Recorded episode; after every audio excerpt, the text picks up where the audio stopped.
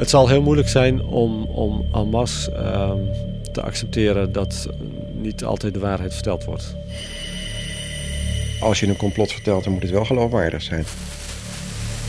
Kijk, wat wij zien, dat is de buitenkant. Maar aan de, aan de achterkant gebeurt er nog veel meer.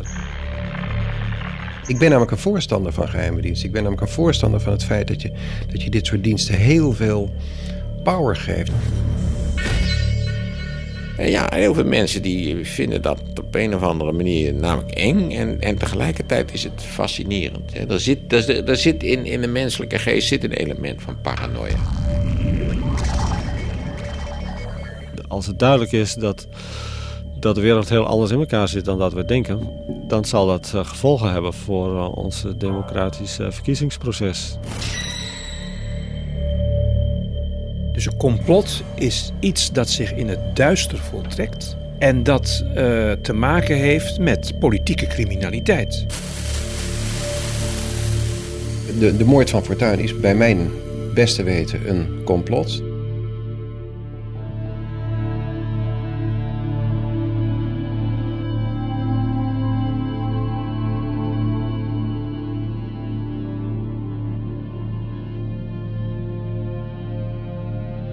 De komende twee uur ga ik een poging doen om een aantal complotten te ontrafelen. En terwijl ik dat zo zeg, denk ik meteen bij mezelf: is het wel zo verstandig om het te storten op de complotten van vandaag de dag? Want een complot of een samenzwering is natuurlijk niet voor niks opgezet. Zonder uitzondering heeft het volgens mij te maken met behoud van macht. En mensen die aan de macht zijn, al dan niet door een complot, raken die macht natuurlijk niet graag kwijt. Bovendien zijn machtige mensen in staat om niet machtige mensen zoals ik het leven goed zuur te maken en daar zit ik natuurlijk niet op te wachten. Dus als ik de werkelijke waarheid boven tafel weet te krijgen, is dit misschien wel mijn laatste uitzending. Neem nou bijvoorbeeld die meneer Bos, die de bouwfraude aan het licht bracht toch een soort van samenzwering van de grotere bouwbedrijven in Nederland. Die meneer Bos is er alles behalve beter van geworden. Sterker nog, hij wordt inmiddels zelf verdacht. Dus wat schiet een mens ermee op? En er komt dan ook nog bij dat ik zelf toch ook niet helemaal zuiver op de graad ben. Dus wat haal ik mezelf op de hals? In een goed complot ontbreken er feiten, dat kan niet anders. Schrijver Thomas Ros. Als je zelf zoveel feiten tot je beschikking hebt dat je al deducerend denkt: verdomd, dit, is, dit kan niet anders dan zo gaan. Ja, ik weet wel, dan word ik op aangevallen. 10% weet, of 20% weet ik niet. Maar als, je, als het tot niet anders leidt dan tot die speculatie, daarom moet ik ook romans schrijven. Daarom kan ik het niet als documentaire brengen. Want ja, dan moet ik het echt helemaal 100% kunnen verantwoorden. Of een proefschrift of weet ik wat. Is dat niet iets wat je eigenlijk zou willen? Ja, maar het vervelende is met die materie waarmee ik me nogal bezig hou, is dat er altijd documenten niet bestaan. Snap je? Ik ben vanwege Bernard wel eens aangevallen, maar vanwege een brief die Bernard ooit geschreven zou hebben in 42 aan Berlijn. Hè. De stadhouder van Nederland zou willen? Beroemde stadhoudersbrief. Ja. Ja, als je voortdurend wordt lastiggevallen, ja, maar waar is die brief?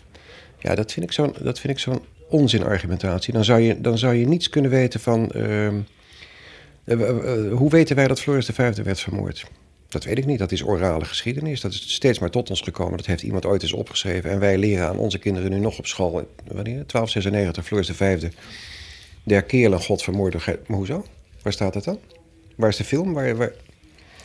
Nee, ik bedoel, als een brief die Bernard geschreven heeft... of in een archief ligt wat potdicht zit... of de brief is vernietigd... En al zou ik met een kopie aan kunnen komen, wat mensen in Nederland beweren, wij bezitten een kopie, dan zouden er twee zijn. Dan nog kan je zeggen, ja, het is een kopie. Ik wil het origineel hebben. Maar als het origineel in brand is omgekomen, dat, dat... dus ik vind het vrij zwak om te zeggen, maar als je voor 80, voor 90 procent met alle aannemers goed je werk hebt gedaan, je kunt zeggen, dat is het. Hoe ben je eigenlijk in die complotbusiness terechtgekomen? Ik weet het niet. Nee, echt niet. Maar er, moet toch een moment geweest zijn dat je dingen om je heen zag gebeuren waarvan je dacht, nou ja, dit, dit kan gewoon niet. En... De, de psychiatrische uitleg, dat is mijn vader was bij de BVD, ik heb nooit iets van hem geweten. Dus dan ga je vanzelf wel in complotten redeneren, denk ik. Twee, mijn grootvader is vermoord, nooit gevonden. Raadsel altijd, wat is er met die man gebeurd? Dan zou je zeggen, nou ja. Maar eigenlijk weet ik wel, kijk, mijn allereerste boek is lang geleden, 25 jaar geleden geschreven. Dat ging over Molukkers die naar Indonesië gaan. Dat zijn ze ook gegaan. En dat heeft te maken met dat ik toen uh, afstudeerde op Indonesië... op die staatsgreep, onder andere tegen Sukarno in 65. En dat ik daar las dat een Amerikaans telegram in Jakarta... was gearriveerd via de CIA bij de Amerikaanse ambassade... waarmee aan Suharto, de koeppleger tegen Sukarno... het wordt een beetje ingewikkeld... het fiat werd gegeven namens de Amerikanen... oké, wij zullen niet ingrijpen als jij een staatsgreep pleegt tegen Sukarno...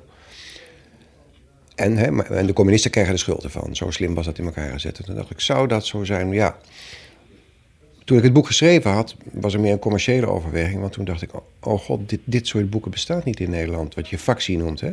Was ook niet zo. We hadden of... Fictie met inachtneming van... Ja, de feiten. Ja. Bestond was alleen Engeland, geloof ik. En voor de rest had de Nederlandse misdaadliteratuur... ja, de bekende politieromans. En de pure fictie, die leuk is en ontspannend is, maar die... Dus ik heb natuurlijk gedacht, toen het boek zo'n aandacht kreeg... goh, wat, wat... Is het interessant om uit te vinden voor jezelf, hoe zit het in elkaar... Maar twee, wat een raar commercieel gat in de markt kan dit zijn. Mits je steeds maar weer voor al die, of het één of die twee boeken per jaar die je zegt. Ja, je moet wel steeds een soort bestaande affaire hebben. Maar wat de oorzaak daarvan is dat ik zo geïnteresseerd ben in dat soort... Ja, ik weet het niet. Ik heb geschiedenis een beetje gestudeerd, journalistiek gedaan. Die vader, die grootvader, ik weet het niet. Het zal wel een mengeling zijn. Bovendien merk ik het aan iedereen. Want als je, uh, als je met mensen praat over bijvoorbeeld die, de meest beroemde moord die we hebben, de Kennedy-moord... blijkt tot mijn verbazing dat iedereen daar altijd wel wat over denkt of over zegt of over overduidelijk een complot. Ja, want als je tegen mensen zegt die zelfs niet. Uh, dus, dus een feit ontkennen die, wat tot mijn verbazing niet zo erg bekend is. Maar het Hoge Rechtshof in Amerika heeft enkele weken na de dood van Kennedy. bepaald dat de röntgenfoto's van de schedel van John F. Kennedy. niet dan na 75 jaar na dato vrij mogen worden gegeven. Dat zet iedereen aan het denken.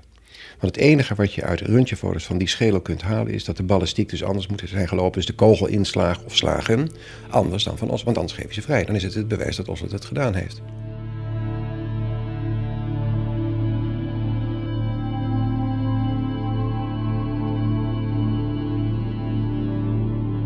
Het zou al begonnen kunnen zijn bij Tutankhamon. Historicus Fries de Vries. Want Tutankhamon is op een merkwaardige manier gestorven. En men veronderstelt dat daar een complot achter zit, maar het kan ook een ziekte geweest zijn.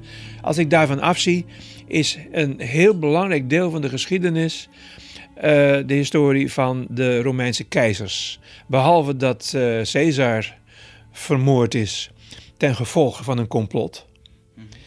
Uh, is er natuurlijk daarna een reeks uh, moorden geweest op uh, Romeinse keizers. Daar hebben we geen weet van. Hoeveel complotten daarachter gestoken hebben.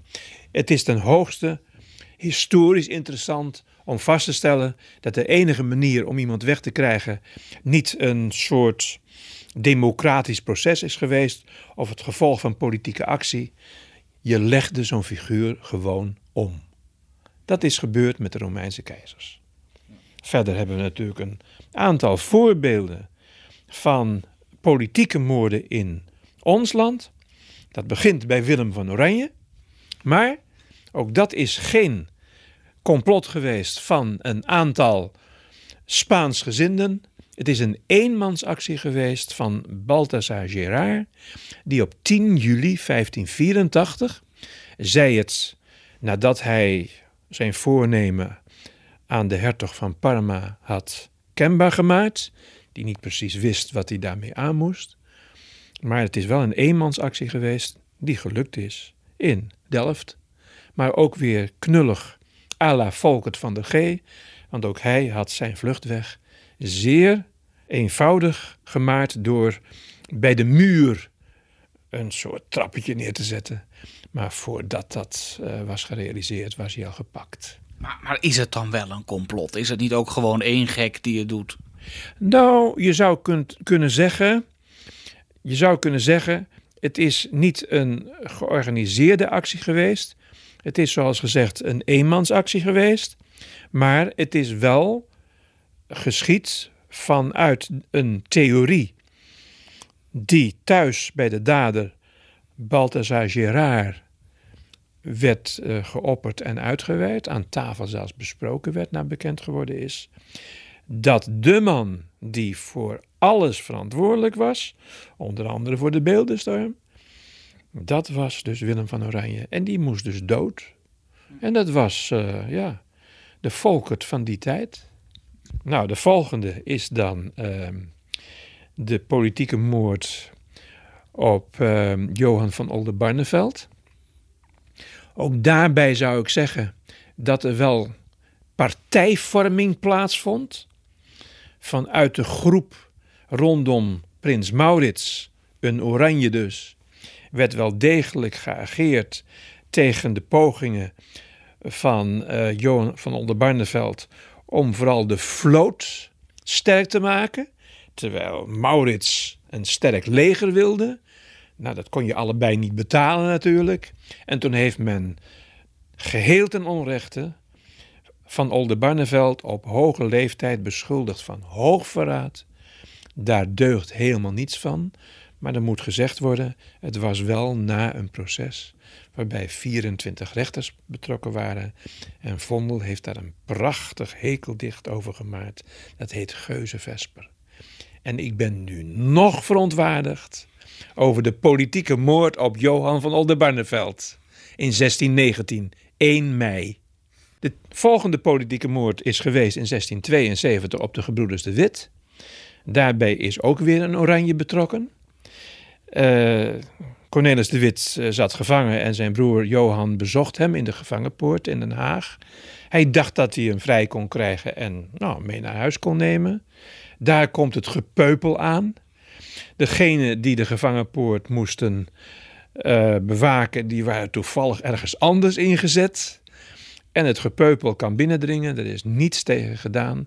En zoals je ongetwijfeld weet, de heren zijn in stukjes gesneden. Om, ja, men kon ze politiek ook niet meer gebruiken. En toen kwam Willem derde bovendrijven. En die is ook nog een soort van Engeland geweest. Dus ja, het is wel aardig voorbereid. Nu ja, en dan komen dus de moorden op uh, Fortuin en Van Gogh.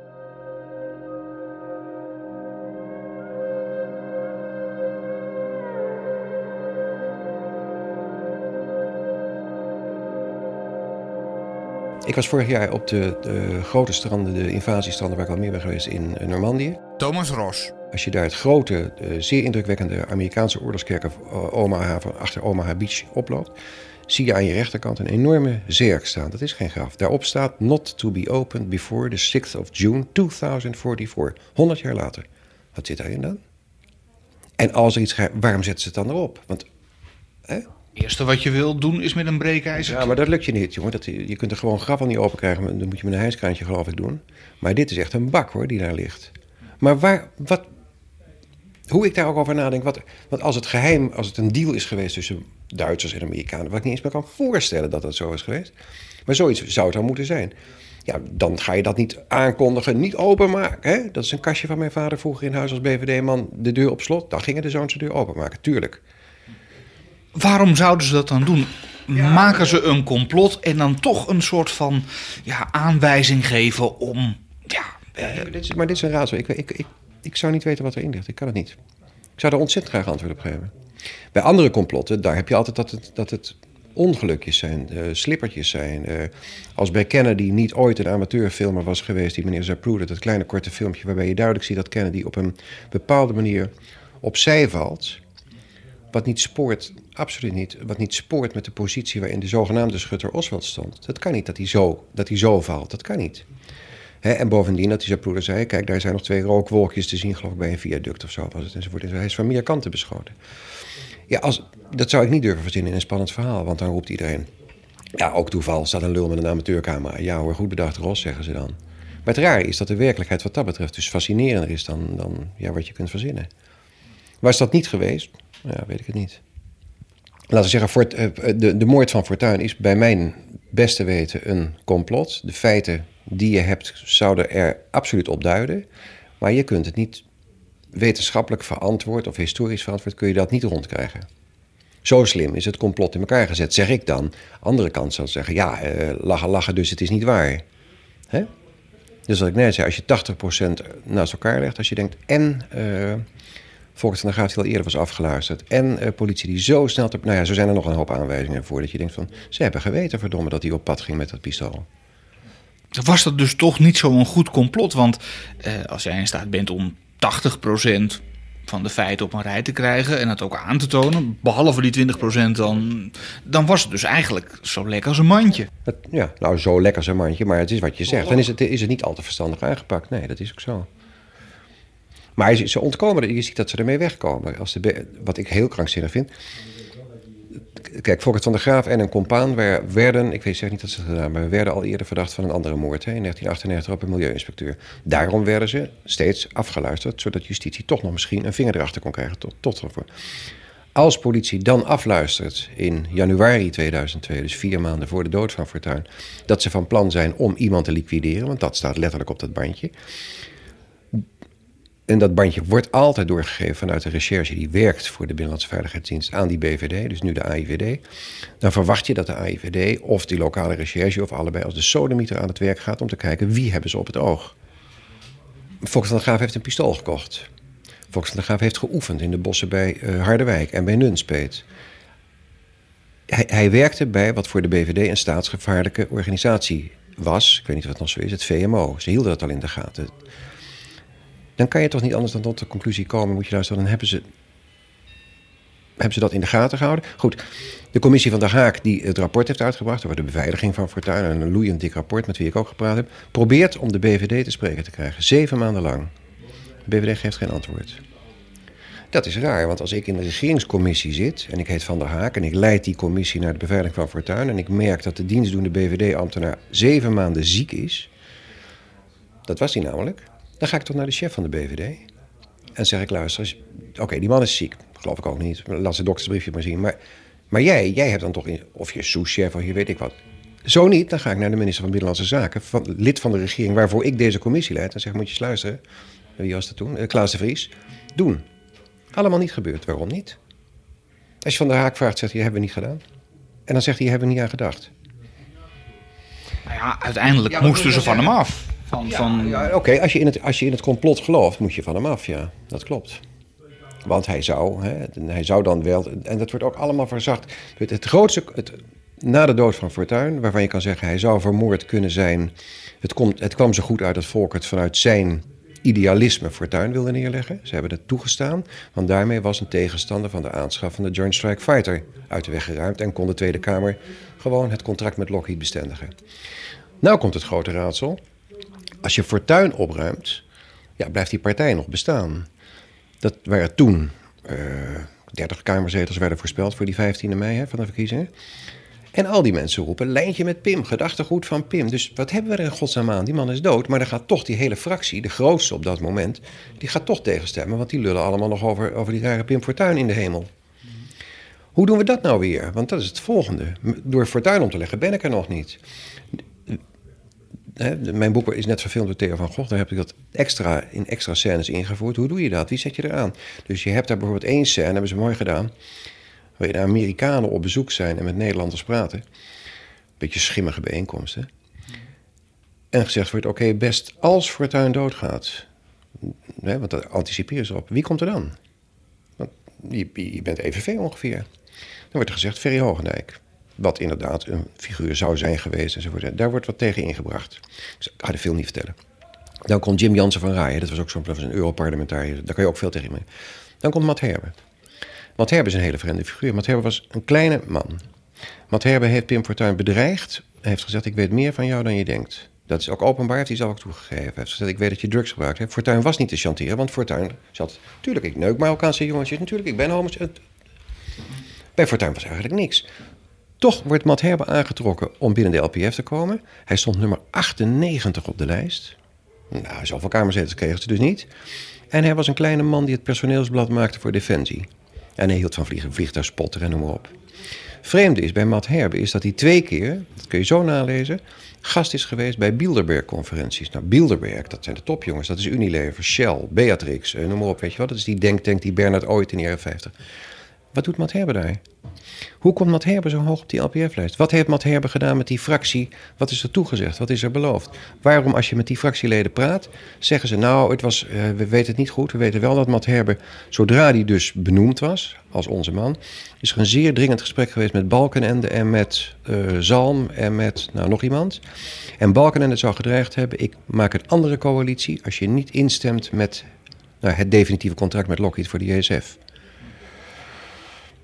Dan is het vreemde wat je niet kunt verklaren, is dat als uh, de verkiezingen zijn geweest en de rouw rond Fortuyn is wat afgelopen, en ik geloof zes weken na die verkiezingen, als de LPF geïnstalleerd is in de Kamer, hamert Wijsger als voorzitter van de Tweede Kamer en zegt: We moeten nog even stemmen over de JSF. Uh, vraagt de eerste fractie, dat was geloof ik toch nog, CDA was toch nog het grootste. Nou, die zijn allemaal voor. T twee, LPF. Toen dacht je dus, lijntje met Pim, tegen. Allemaal tegen. 26 Kamerleden, één stem tegen. 25 voor. Maar waar was het lijntje met Pim dan? Die was net, net zes weken dood. Dat, is, dat, op zich is al onverklaarbaar. Wat is er gebeurd in die achterkamertjes?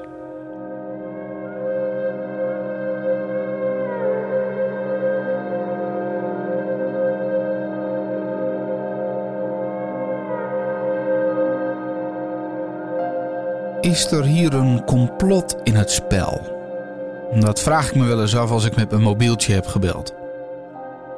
Want die mobiele telefoon was er ineens. Voor iedereen. Begin jaren 90 was zo'n ding eigenlijk alleen nog maar betaalbaar door de elite. Maar sinds een jaar of drie, vier krijg je ze bijna cadeau. En iedereen heeft er ook een. In mooie kleurtjes en vaak ook voorzien van een cameraatje. Maar waar je zelden bij stilstaat is dat die mobiele telefoon, tenminste als die aanstaat, telkens een signaaltje uitzendt naar de centrale. Als het ware roept dat ding: Hier ben ik. Dus iemand met een mobiele telefoon is altijd traceerbaar. Wanneer je een abonnement afsluit voor een mobieltje, moet je ook al je gegevens invullen op een formulier. Zelfs als je een prepay kaarttelefoon koopt, is dat noodzakelijk, want dan krijg je 20 euro beltegoed overgemaakt op je rekening. Je 06-nummer is dus bijna belangrijker dan je SOFI-nummer. Anoniem bellen met een mobieltje kan dus eigenlijk alleen maar als je een prepaid kaarttelefoon koopt en je gegevens niet achterlaat. Maar dan kun je ook fluiten naar die 20 euro.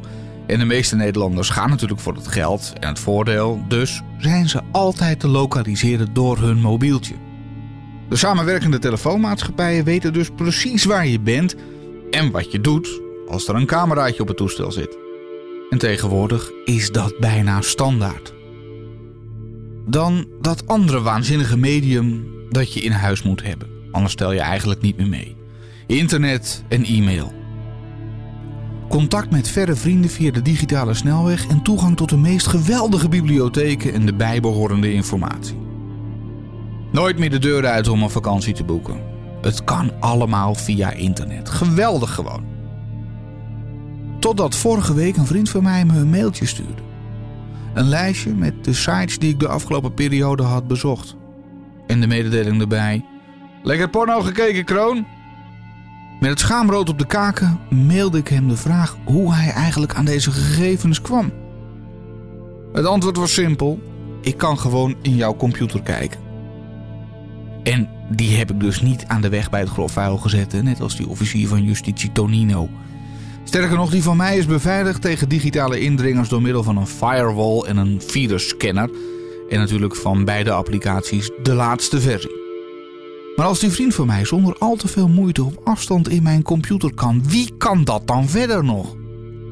En wat gebeurt er eigenlijk met mijn gegevens?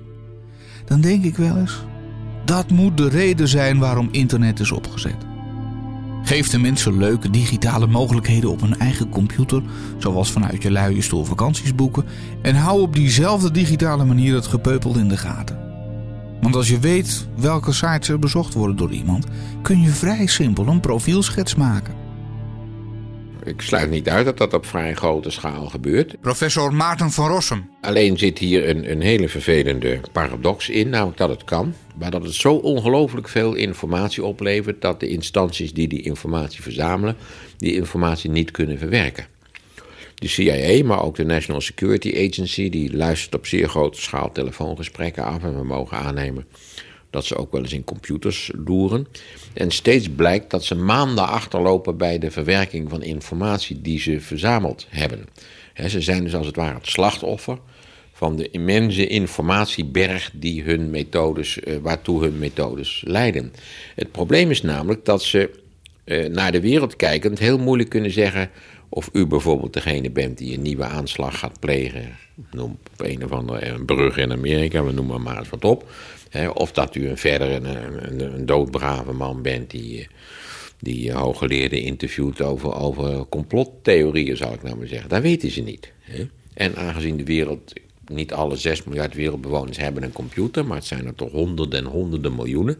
En dan is het heel lastig om uit die eindeloze, chaotische informatiestroom de informatie te pikken die werkelijk van belang is.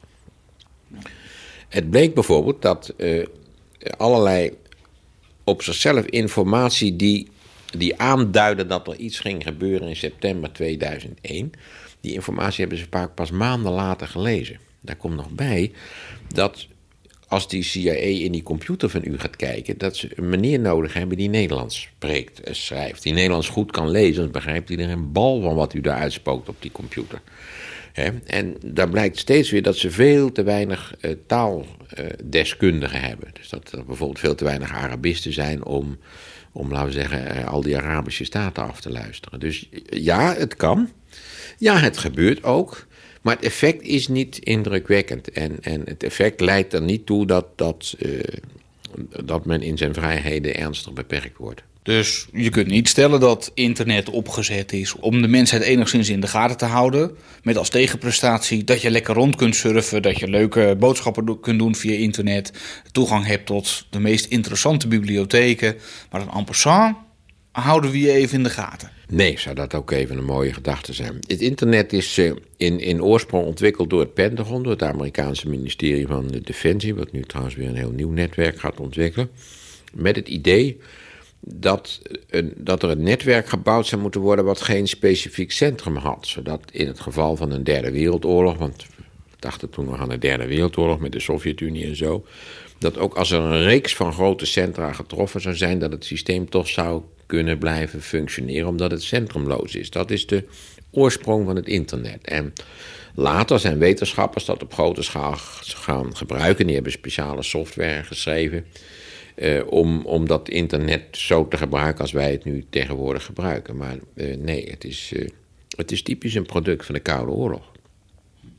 Maar het is niet gemaakt om u in de gaten te houden. Het is veel te ingewikkeld om u in de gaten te houden. Het heeft helemaal geen zin om honderden miljoenen mensen die niet gevaarlijk zijn in de gaten te houden. Het is namelijk hartstikke duur en je bereikt er geen pest mee. Het probleem is uit te maken wie van die honderden miljoenen mensen eigenlijk gevaarlijk is. Als u gevaarlijke dingen van plan bent, stel voor u bent van plan om u bij Al-Qaeda aan te melden als Nederlands lid. En dan zou ik u sterk aanbevelen om op te houden met, met computer of alleen hele onschuldige dingen te doen. U moet niet bijvoorbeeld mailtjes gaan typen van eh, dat, u, dat u dingen gaat opblazen en zo. En u moet met name uw mobiele telefoon wegdoen. En waarom is het zo dat we die rare, dat die berichten van Osama ons altijd per ezelpost eh, bereiken, zal ik nou maar zeggen. Uh, uit het Pakistaanse gebergte. Dat komt omdat je, uh, dat je als je mobiel belt, ben je goed traceerbaar. Ja. Dus als u, als u kwaad, kwaad, kwade dingen wil, dan moet u wel zorgen dat u geen gebruik maakt van deze type van, van apparatuur. En dat is meteen het volgende complot dat ik nog even aan wil kaarten. De mobiele telefoon. Iedere Nederlander heeft er bijna één op een, op een enkeling na. Nou, je weet, eh, je 06-nummer is bijna belangrijker dan je SOFI-nummer. Het moment dat je dat ding aanzet, zendt hij een signaaltje uit en weten ze waar je uithangt. Ja, het systeem werkt op basis van het feit dat de, dat de telefoon voortdurend een signaaltje uitzendt, waardoor het systeem weet waar die telefoon is en daarvan gebruik kan maken als de betrokkenen die telefoon gebruikt om te bellen. Maar u begrijpt zelf wel dat hier nog in sterkere mate geldt wat ik er net al heb verteld voor de computer. Hoe weet je dat, ik geloof dat er zijn nu 1,2 miljard eh, gebruikers van mobiele telefoons op de wereld. Hoe weet je dat wie van die 1,2 miljard gebruikers van een mobiele telefoon eh, ook daadwerkelijk eh, kwade plannen heeft? Ook trouwens de meeste bommen worden tegenwoordig met, met mobiele telefoons tot ontploffing gebracht. Hè? Dus dan soldeer je een mobiel telefoontje aan, dat bel je op en dan gaat de bom die, eh, die gaat af. Eh, maar ook daar geldt, ja, hoe kom je daarachter? Want degenen die echt, die echt kwaad, kwaadwillig zijn, die gebruiken geen mobiele telefoon. Daarom zei ik er net al tegen u. Als u nou van plan bent om deze functie van wel te zeggen en fulltime terrorist te worden, dan is een van de allereerste dingen is dat u uw mobiele telefoon weg moet doen. Ja, misschien zou je eigenlijk een systeem moeten ontwerpen dat mensen die wel bewust hun mobiele telefoon hebben weggedaan, dat zijn misschien wel de allergevaarlijkste mensen die er zijn. Maarten van Rossum heeft geen mobiele telefoon, volgens mij. mobiele telefoon die ik nooit aanstaan. Ik, ik- in noodgevallen gebruik ik een mobiele telefoon, ja. Maar Vaak hebben we hem uitstaan. Waarom is dan meteen de vraag, hè? ik heb hem 98% van de tijd uitstaan. Ik, ge- eigenlijk gebruik ik hem alleen als ik een lezing moet gaan houden. En als door de fileproblematiek of door het eigenaardige schema's die de NS aanhoudt... de kans bestaat dat ik te laat kom. En dat ik, dan kan ik bellen dat ik te laat kom. Daar, daar vind ik het erg handig voor. Voor de rest is het natuurlijk een terreurinstrument... in de zin dat je voortdurend bereikbaar bent. Dat is afschuwelijk, een afschuwelijk idee toch. De altijd nuchtere Maarten van Rossum kan het keurig uitleggen. De grote hoeveelheid informatie die vergaard wordt door al die mobieltjes en internetaansluitingen kan volgens hem niet verwerkt worden. Maar als je van plan bent om iets te gaan doen dat niet mag, doe je mobiele telefoon dan weg en laat je computer vooral uit. Al dus van Rossum. Dus er kan wel degelijk iets gedaan worden met de informatie van al die mobiele telefoons en internetaansluitingen.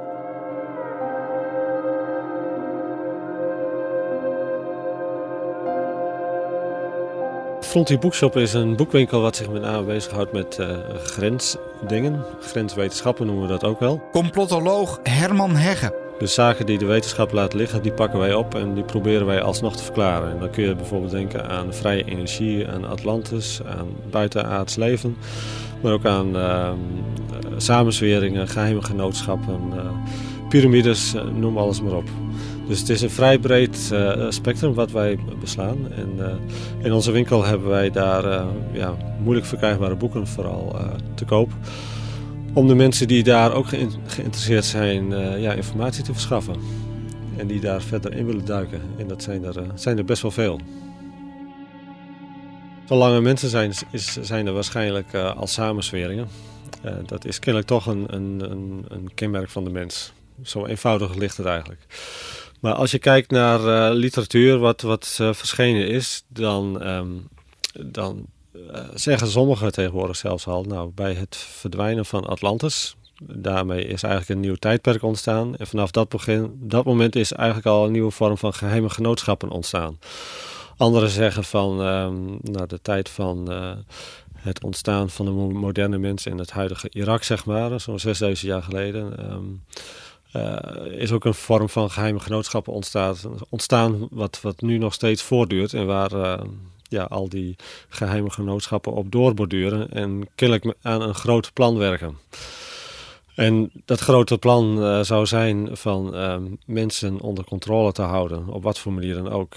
zodat een paar mensen de touwtjes in handen kan houden om het gepeupel, zeg maar, tussen aanhalingstekens, ja, in die richting te, te manoeuvreren zoals zij dat hebben willen.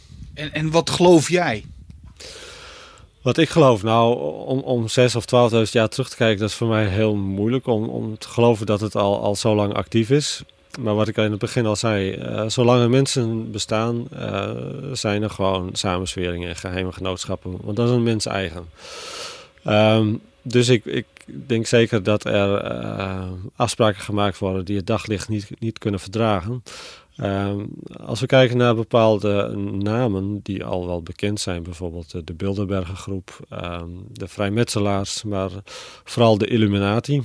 Dat, dat, dat is de groep die helemaal bovenaan staat, zeg maar. Dat, dat zijn dus allemaal samenswerings- of nou ja, geheime genootschappen die, die eh, een geheim plan in petto hebben om ons onder controle te houden. Dus er zitten maar een paar mensen aan de top, een paar families zou je het ook kunnen noemen, die, eh, die het hele gebeuren in de gaten houden en aansturen.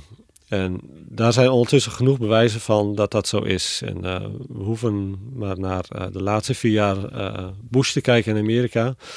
Dat is eigenlijk smullen voor de, de samenzweerder of voor de geheime genootschappenman. Um, Bush is sowieso lid van de Skull and Bones. Dat is ook een geheime genootschap. En Kerry trouwens overigens ook.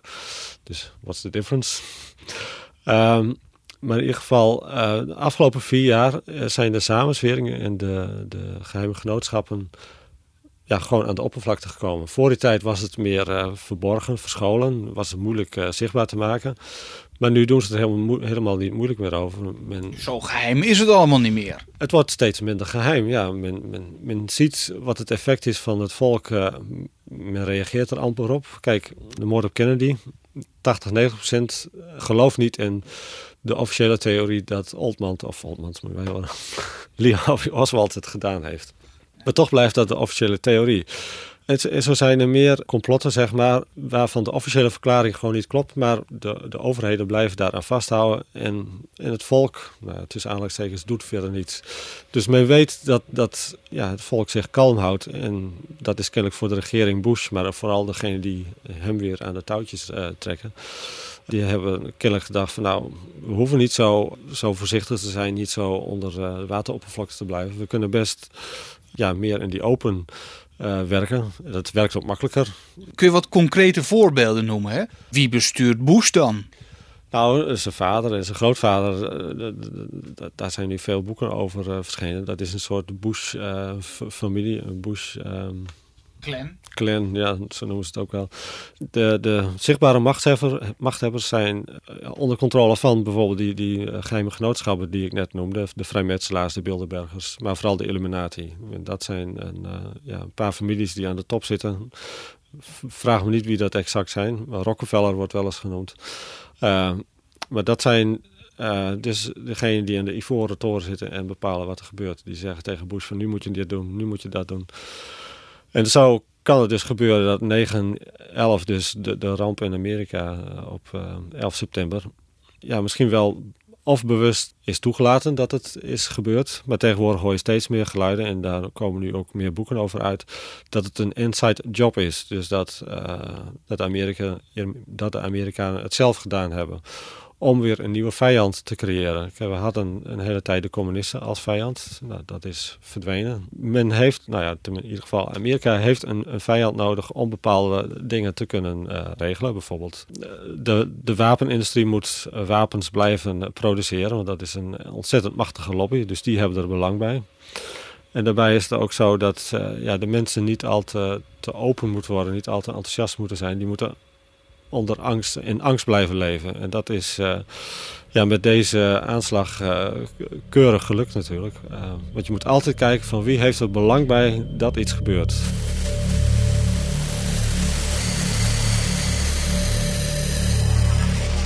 Het idee van die aanval en de uitvoering daarvan kun je als een complot zien. Maarten van Rossum her en der wel eens een elementje uitgelekt. Maar de Amerikanen hebben, daar, eh, hebben dat niet gezien en die stukjes niet bij elkaar gelegd. Maar ik zie die, dat kun je als een complot zien. Daarna is natuurlijk, toen het gebeurd was, is het, is het duidelijk geworden wie dat gedaan hebben. En, en ja, waarom, dat blijft natuurlijk een. Wat, hè, wat, wil, wat wil Osama in hemelsnaam bereiken? Nou, het schijnt een groot kalifaat in het Midden-Oosten. Dat is een heel naïeve wens die hij niet zal kunnen realiseren. Het grote probleem met het islamitisch terrorisme is natuurlijk dat je altijd afvraagt: wat willen die lui in godsnaam bereiken? Omdat er helemaal niks mee bereikt wordt. Theo van Gogh is op gruwelijke wijze vermoord. Je zou dat als een soort mini-complot kunnen zien van, van deze jongen, die daar waarschijnlijk met zijn radicale kennissen over heeft gesproken. En wat wordt daarmee bereikt? Helemaal niets. Wordt de islamitische zaak daarmee bevorderd? Uh, worden daardoor meer mensen orthodox, islamitisch of fundamentalistisch? Dat lijkt me ook niet. Het is, een, het is uiteindelijk een volstrekte zitloze daad van geweld, geboren uit, uit diep ressentiment en, en de gestoorde geest van een adolescent.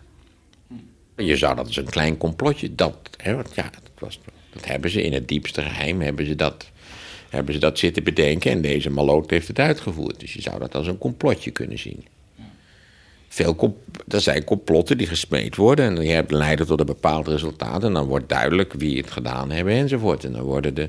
Eh, misschien zullen er ook wel eens moorden zijn gepleegd waar dus niet duidelijk wordt wie dat gedaan hebben. Dat, dat kun je je wel voorstellen natuurlijk.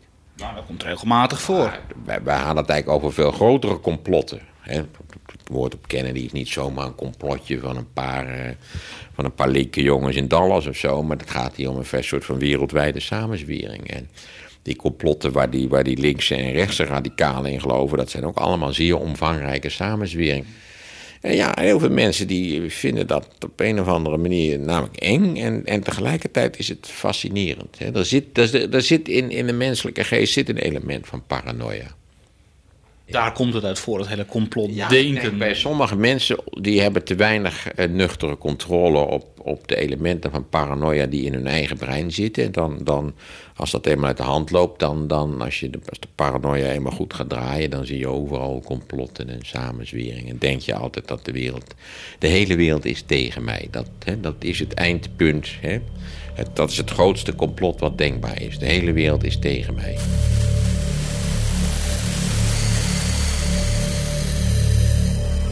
De Bilderberger groep. Um, Herman Hegge. Die is dus, uh, ik meen, in de jaren 50 door Prins Bernhard opgericht. Um, die bespreken toch gewoon een beetje de narigheid in de wereld en wat je er misschien aan zou kunnen doen. Dat is toch vrij onschuldig nog? Ja, ja zo wordt het naar buiten gebracht. Maar waarom um, wordt het programma altijd angstvallig stilgehouden? Waarom is het ook heel moeilijk om erachter te komen wie er allemaal bij aanwezig zijn geweest?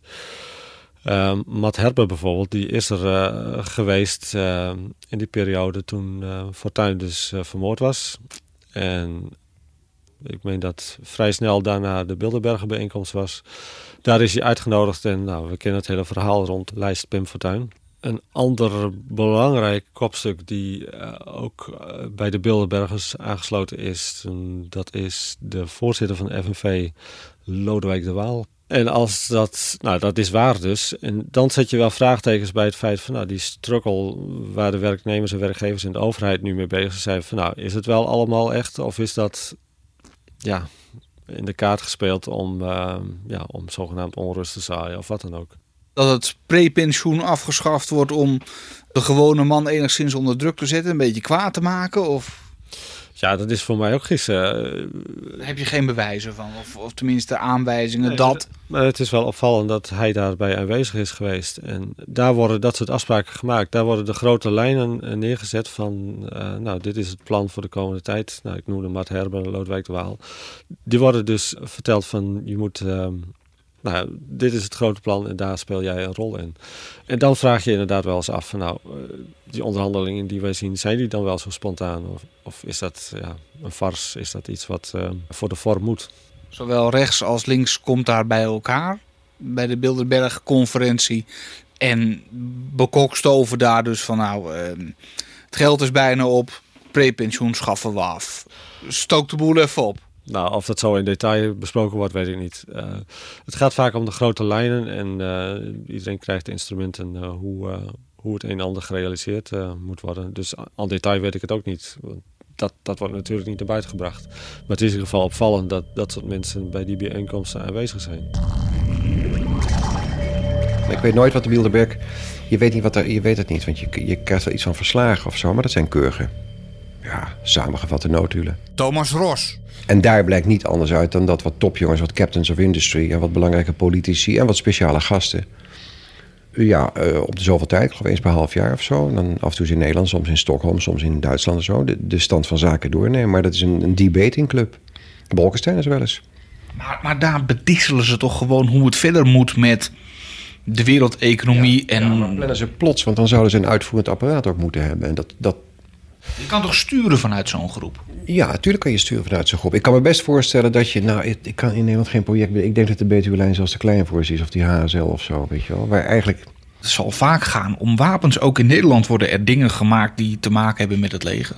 Uh, in, in, belangrijk zelfs, zeer belangrijk. Nachtkijkertjes geloof ik, daar zijn we erg goed in. Het signaal van Philips, ja, die maakt natuurlijk heel veel. Wat dacht je? Dus die maar hebben er belang bij dat er ruzie blijft. Maar, dat zijn orders. Dat zijn dan, die jongens bespreken dingen met elkaar. Als jij nou dat doet, weet ik wat. Laten we zeggen, natuurlijk nemen ze een voorstel op als Irak wel opgebouwd. Dat doen ze al lang trouwens.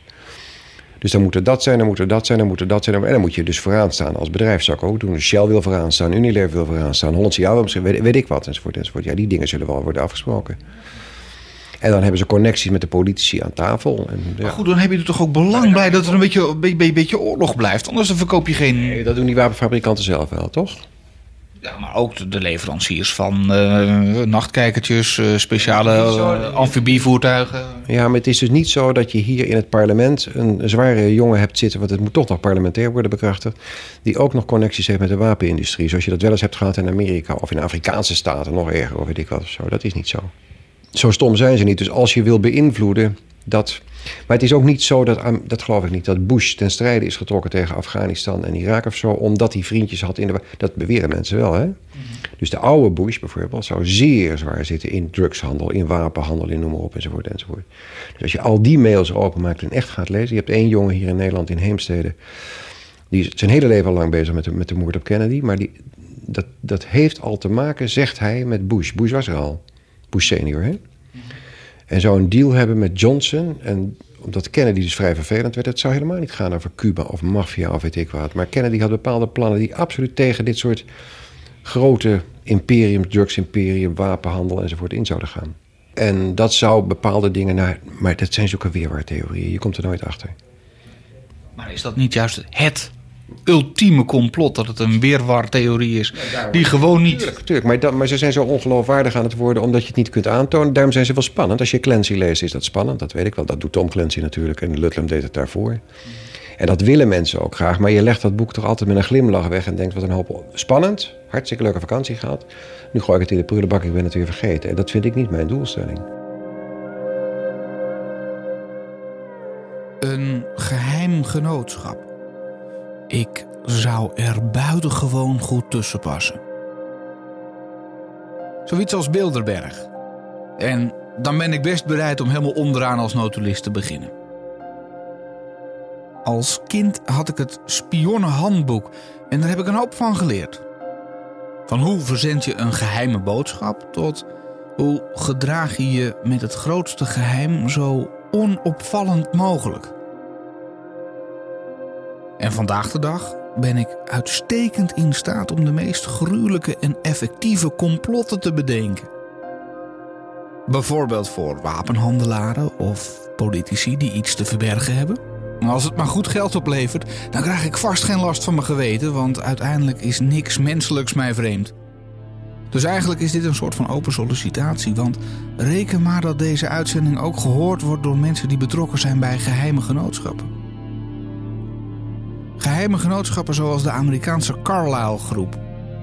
Captains of Industry die met elkaar afspraken maken en elkaar een handje helpen.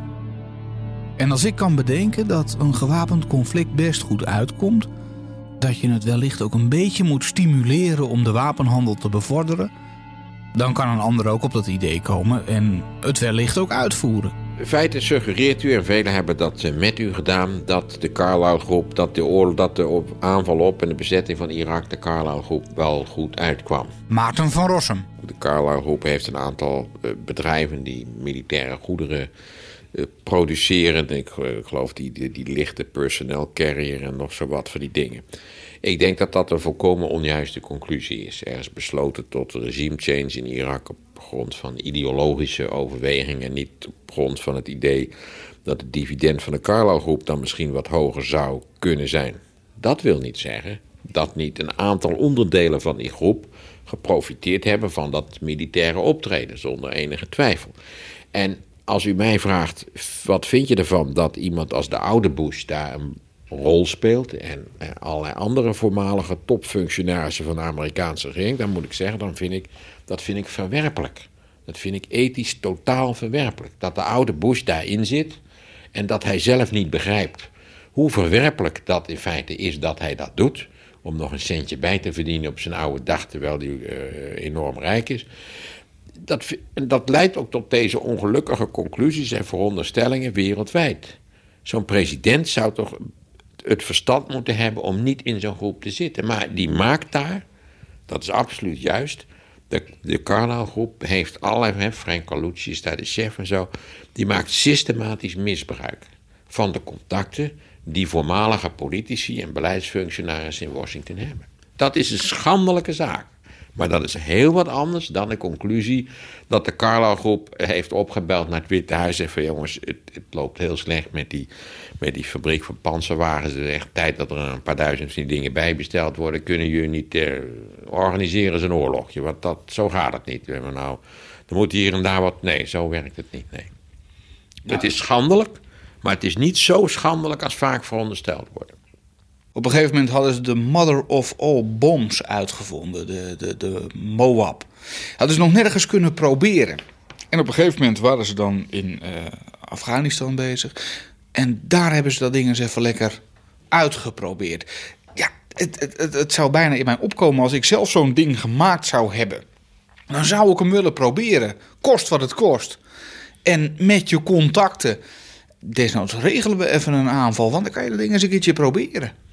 Ja, toch, toch ook deze redenering, daar klopt natuurlijk geen hout van. Want wat, ja, wat deze dan in Afghanistan, daar gingen ze Osama zoeken. Of ze dat op een verstandige manier hebben gedaan. Dat is vers 2, naar mijn idee niet dus. Maar een mooie gelegenheid om ook eventjes die enorm zware bom eens even te proberen. Zeker. Natuurlijk, als je oorlog gaat voeren, dat gingen ze daar doen in Afghanistan. Maar ja, Osama was zelf begonnen door die Twin Towers eh, aan te pakken.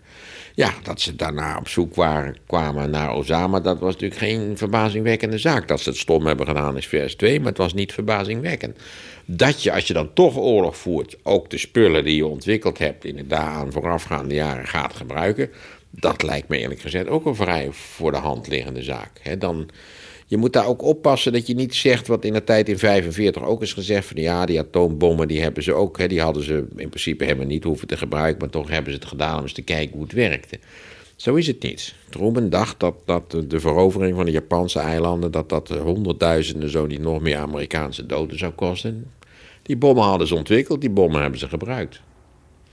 Eh, ja, cruise hebben ze ontwikkeld, die hebben ze ook gebruikt. Die bleken trouwens eh, verbazingwekkend goed te werken voor relatief weinig geld. Maar dat, dat ze in Afghanistan waren, dat komt niet omdat de Carlo-groep naar het Witte Huis heeft gebeld. Van, joh, nou hebben we die bom hebben we ontwikkeld en we kunnen dat ding nergens eens fijn eh, testen. Kunnen jullie nou niet eens even een aanslag op de Twin Towers organiseren. Dan beweren we dat Osama het gedaan heeft. En dan gaan we vervolgens gaan we zeggen tegen de wereld: ja, dan moeten we Afghanistan. Nee, zo is het niet gegaan. Evident niet. Dat weet je zeker. Dat weet ik 100% zeker. Ja, ik ben bereid daar relatief grote bedragen op te zetten om uh, aan te tonen dat dat niet zo gegaan is.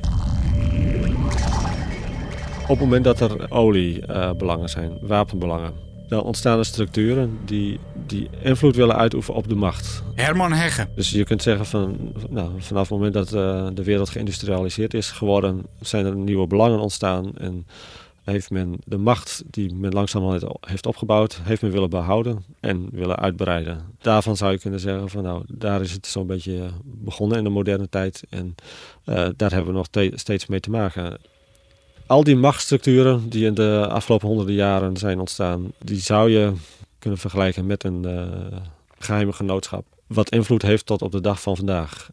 Men probeert ja, de burger ja, als kuddedier aan te pakken, zeg maar. Maar gelukkig zie ik steeds meer dat de mensen uh, zich steeds individualistischer uh, willen ontwikkelen. Zich ook opstellen, individualistischer opstellen. En je kunt je voorstellen dat op het moment dat wij onafhankelijk worden van, van die grote machtsstructuren, bijvoorbeeld van, van de olie of van de kerk, dat er dan ook een heel, heel snel andere wereld zal uh, ontstaan de journalisten van de, de reguliere pers, die zou daar wel eens wat kritischer over mogen zijn. In plaats van, uh, dan zeg ik het heel cru misschien, maar alleen maar persberichten over te schrijven. Maar probeer nu ook eens echt achter het nieuws te kijken van wat er nu, nu gaande is. En Willem Oltmans bijvoorbeeld, uh, die helaas onlangs overleden is, dat was een ster erin om achter die grenzen te kijken van wat is nu het werkelijke wat gebeurd is. En dat het voor de, de, de, ja, de burger heel moeilijk te bepalen is van wat is waar en wat is niet waar. En daarom noemde ik de journalisten net van die mogen best wel eens wat kritischer zijn op het nieuws wat ze zelf verspreiden, maar wat ze ook vergaren. Is het allemaal wel waar wat zij ook voorgeschoteld krijgen? En daar hebben we dat soort mensen voor nodig. Maar uh, ja, ook, ook een dergelijke boekwinkel als wij, waar dergelijke boeken te koop zijn en tijdschriften. Uh, die informatie is er wel, ook op internet. Alleen je moet, heel, uh, je, moet je best doen. Dus het staat niet in de reguliere kranten, maar ehm, en zolang die journalisten nog niet bereid zijn om daar verder naar te kijken, zul je de alternatieve paden moeten bewandelen, helaas. Maar stel, hè, Ik krijg het voor elkaar om aan te tonen dat die bandjes van Bin Laden die we op televisie te zien krijgen, dat het fake is. Dat het, ja, dat het in elkaar gezet is door een, een knappe computerdeskundige. Dan ruimen ze mij toch ook uit de weg. Nou. Dus, als, dus als journalist kijk je wel beter uit. Nee, ik denk dat voor journalisten een ander iets geldt dat men naar zijn carrière kijkt. Van, eh, dus men kijkt niet direct naar zijn leven, want met desinformatie is het heel makkelijk om dergelijke beweringen weer, weer te weerleggen. Maar eh, journalisten zijn vaak bang voor hun carrière om van het geëffende pad af te wijken. En dat merken we eh, niet alleen met samenswering, maar vooral met, met andere dingen. Uh, als we het over ufo's of graancirkels hebben, ik noem wat. Nou, niemand durft zich daaraan te branden, want per definitie, als je daarmee bezighoudt, dan ben je al een niet meer serieus te nemen. Men zegt wel, er zijn geen taboes meer in Nederland, maar toch lijkt het alsof uh, bepaalde onderwerpen toch nog wel degelijk een taboe zijn. Of, ja, je moet je op, op, op, het rechte pad begeven en zo gauw je daar buiten uh, begeeft, dus je kop uh, boven het maaiveld uitsteekt, dan, dan wordt hij afgehaakt. En dat geldt dus hier ook voor.